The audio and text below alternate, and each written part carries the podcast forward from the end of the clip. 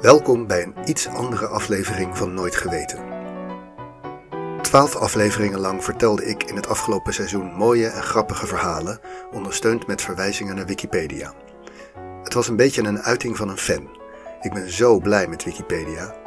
Aan de ene kant omdat het gewoon fijn is om op afroep zoveel betrouwbare informatie over van alles en nog wat tot je beschikking te hebben omdat ik oud genoeg ben om nog te weten hoe moeilijk het was om aan informatie te komen met encyclopedieën, bibliotheken, boeken enzovoort. Maar ook omdat ik Wikipedia een teken van hoop vind. Omdat het een van de weinige projecten uit de idealistische begintijd van internet is die er nog staan. Die nog steeds draaien op vrijwilligers, zonder winstoogmerk en met een echte missie die nog steeds hetzelfde is. Maar Wikipedia roept ook altijd vragen op, ook bij mij. Hoe werkt het eigenlijk? Hoe krijg je al die kennis gestructureerd bij elkaar en hoe voorkom je dat het langzaam weer uit elkaar valt? Dat er genoeg mensen zijn die graag vrije tijd besteden aan het beschrijven van alle karakters uit The Simpsons, dat weet ik. Of die eindeloos veel details willen toevoegen aan het leven van Beyoncé. Maar hoe krijg je hele velden van de wiskunde beschreven en onderhouden? En al die pagina's over diersoorten en alle gemeentes van Polen. Om daarachter te komen deed ik een soort online interview met de meest actieve Wikipedians van de Nederlandstalige Wikipedia.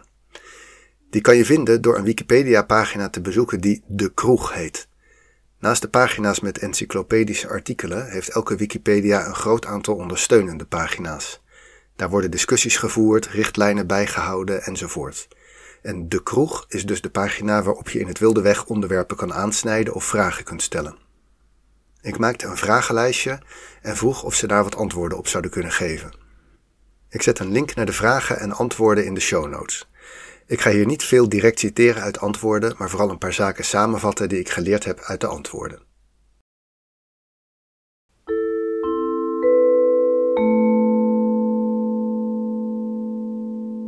Deel 1.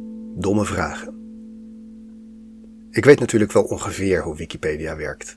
Er is een flinke groep vrijwilligers die er een heleboel vrije tijd in steken. En er is een nog veel grotere groep die zo nu en dan een kleine bijdrage doen. De kerngroep steekt veel tijd in het sturen van de bijdrage van de grote groep. Ik denk dan zelf altijd aan vandalismebestrijding. Dat is het controleren van recente wijzigingen en kijken of er niet gewoon het hele artikel wordt vervangen door poep in hoofdletters. Want dat kan namelijk. Iedereen, echt iedereen, kan de meeste artikelen gewoon veranderen. Je hoeft niet in te loggen of je te identificeren. Dat is ook juist een van de grondgedachten van Wikipedia: dat iedereen mag bijdragen. En dan blijken er dus vrij veel mensen te zijn die een artikel voor de grap kapot maken. Dat wordt dan door zogenaamde vandalismebestrijders weer teruggedraaid. Maar er zijn meer vormen van begeleiding. Wat als een nieuwe gebruiker enthousiast begint een pagina over de hond van Mien Dobbelsteen uit Zeggens A uit de jaren 80 te schrijven? Of een pagina over zijn eigen bedrijf, die eigenlijk meer een reclamefolder is. Die moeten gecorrigeerd worden, want op die manier krijg je geen serieuze encyclopedie maar je wilt ze wel behouden en aanmoedigen om mee te helpen op de plekken waar het wel gewaardeerd wordt. Ik kon wel merken in de antwoorden die ik kreeg dat deze mensen dagelijks in die situatie zitten. Een deel van mijn vragen waren wel beschouwd een beetje domme vragen. Vragen naar de bekende weg of vragen die wat vooringenomen waren geformuleerd. Ook een beetje om te prikkelen misschien. In de eerste plaats kreeg ik van een heel aantal Wikipedians behulpzame antwoorden binnen. Van sommige heel uitgebreide antwoorden. Maar die wat domme vragen van mij, daar kwam ik niet mee weg. Gedecideerd werd mij te verstaan gegeven dat ik dat zelf wel op had kunnen zoeken. Dat er een mening in mijn vraag zat waar een ander het niet mee eens was, enzovoort. Ik was dus nieuwsgierig naar deze groep, die inner circle van actieve Wikipedians. Hoeveel zijn het er eigenlijk? En hoeveel tijd besteden ze aan de encyclopedie? Het antwoord is natuurlijk niet eenduidig, het hangt ervan af. Wat je actief noemt, bijvoorbeeld. En wat vind je veel tijd? Een paar getallen. Als actieve gebruiker word je aangemerkt als je de afgelopen 30 dagen vijf bewerkingen of meer hebt gedaan. Daarvan heeft de Nederlandstalige wiki er al jaren tussen de 1200 en 1400. Ongeveer 60 doen iedere maand meer dan 500 bewerkingen.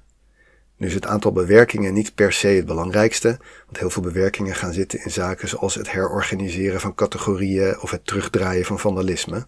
En daartegenover staan mensen die vele uren besteden aan het volledig herschrijven van een groot lemma. Hoe tel je die? Er zijn gebruikers bij die tienduizenden nieuwe artikelen hebben geschreven. Om toch een gevoel te krijgen bij hoe dat eruit ziet als je een van de grootbewerkers bent, heb ik op een willekeurige dag van een aantal van deze topbijdragers gekeken wat ze in de paar dagen daarvoor hadden gedaan. Wat eigenlijk voor allemaal geldt, is dat ze bijna iedere dag een paar uur lang actief zijn. Vaak in de avonduren, maar sommigen ook juist ochtends vroeg of juist midden in de nacht. Wat ze dan doen is heel verschillend. Er zitten mensen bij die aan één stuk door volledige nieuwe artikelen toevoegen, soms door van Engelse of Duitse Wikipedia te vertalen. Anderen hebben kennelijk ondersteunende software en doen binnen een paar minuten bewerking op honderden pagina's. En dan zijn er dus de terugdraaiers, die onvermoeibaar de lollig bedoelde vernielingen terugdraaien, dossiers bijhouden van IP-adressen van waar vaak dit soort vandalisme gebeurt, meestal scholen. En vaak zijn dat dezelfde mensen die tips geven aan beginners die fouten maken en die corrigerend optreden bij reclameachtige teksten. En dan zijn er de probleemgevallen.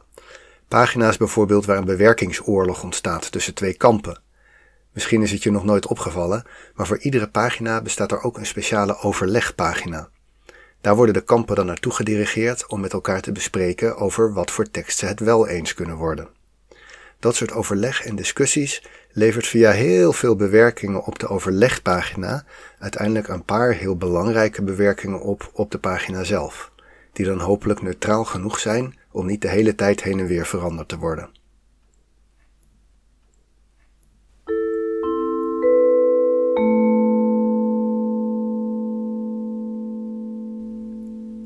Deel 2.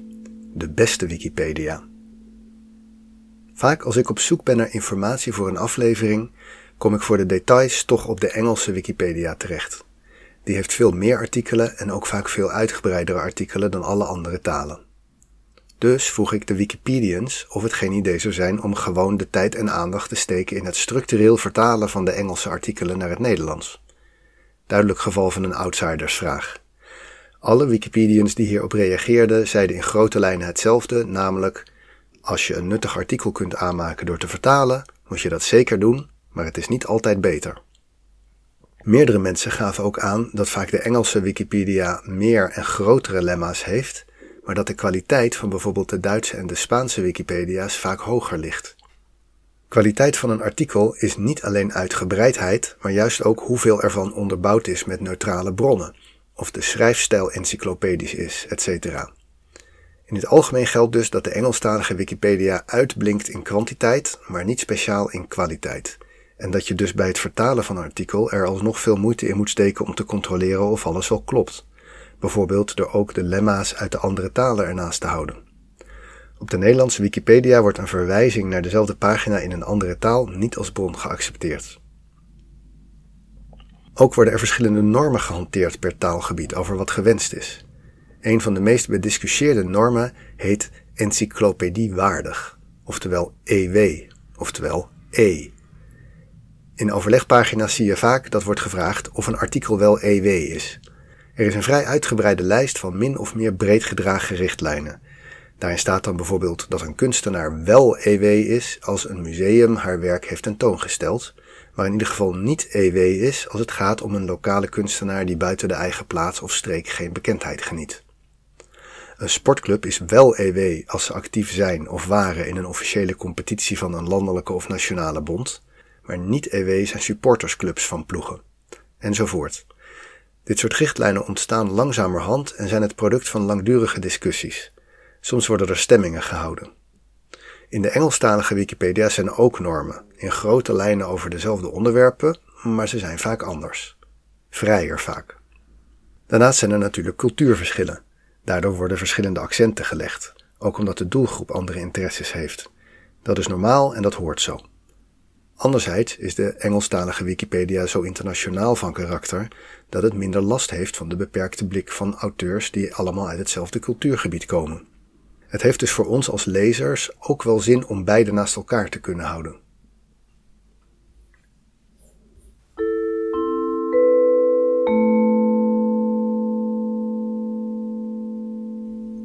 Deel 3. Bijdragen. Ik ben zelf een onregelmatige bijdrager aan Wikipedia.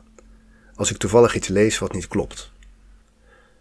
Vaak kleine onbelangrijke wijzigingen, zoals spelfouten, kromme zinnen rechttrekken, dat soort werk.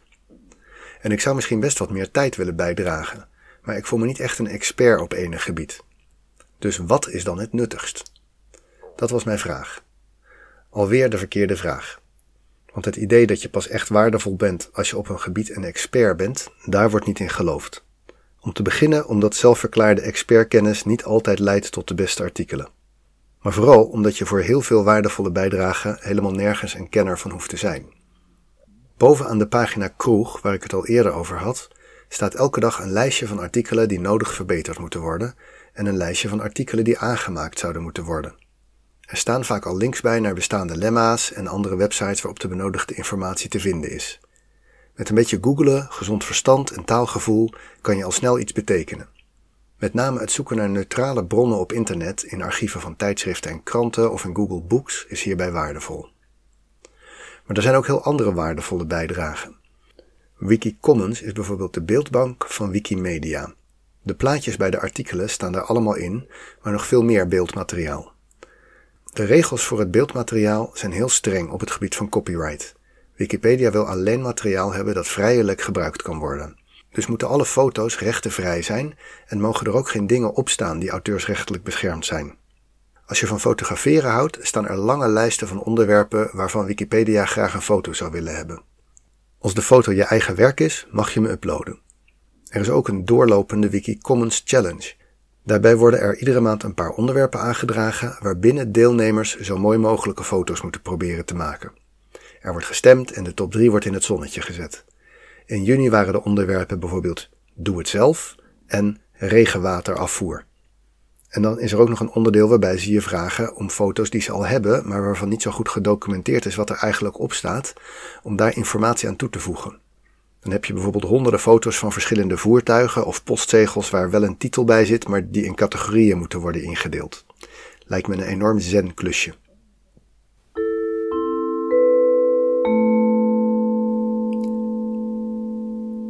Deel 4. Antwoorden op vragen die nooit gesteld zijn. In de antwoorden kwam een aantal leuke dingen naar boven die ik nooit gevraagd had, maar die ik jullie toch niet wil onthouden. Zo is er veel af te lezen aan wat de meest gelezen pagina's zijn. Als je bijvoorbeeld voor het jaar 2020 per maand de meest gelezen pagina's op een rij zet, krijg je het volgende rijtje. Jan de Lichte, de Vlaamse bendeleider waarover in januari een tv-serie startte op Netflix. Dan in februari de pagina Coronavirussen. Dan twee maanden achter elkaar Spaanse griep. Dan Mark Rutte. Daarna Mark de Hond, de zoon van Maurice de Hond die in juni aan kanker overleed. Dan Ines Wesky, waaraan je kan zien dat zomergasten was begonnen en dat Wikipedia-lezers niet de doorsnee van de samenleving zijn. En dan in augustus het lemma ammoniumnitraat. Ik neem aan veroorzaakt door de explosie in Beirut. Je ziet goed terug wat de gemoederen zo over een jaar bezighoudt. Dit werkt ook per dag, al zie je dan natuurlijk meer de waan van de dag terug. Er is een leuke Twitter-account genaamd TopWikiNL, die iedere dag meldt wat gisteren het meest gelezen artikel was. Dat is verrassend afwisselend en meestal natuurlijk niet verrassend, maar soms ook wel.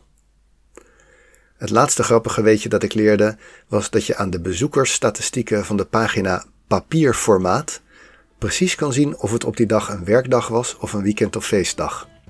Arme bureauwerkers. Ik zie ze voor me. Hoe zat het ook alweer met die papierformaten van de printer? Is letter nou groter of kleiner dan A4 en hoeveel millimeter is A3 eigenlijk? Even googelen.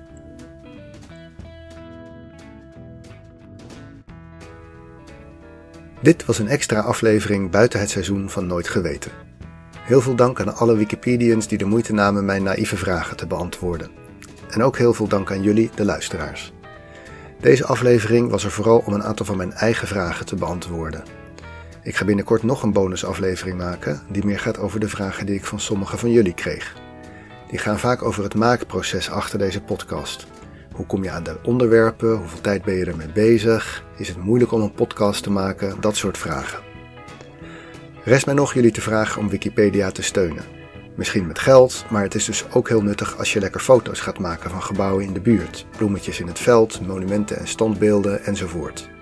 Of als je eens gaat zitten en op basis van bestaande Engelse en Duitse pagina's een Nederlands artikel helemaal netjes en compleet maakt. Of als je net als ik lekker typfouten blijft verbeteren als je ze tegenkomt. Alle beetjes helpen.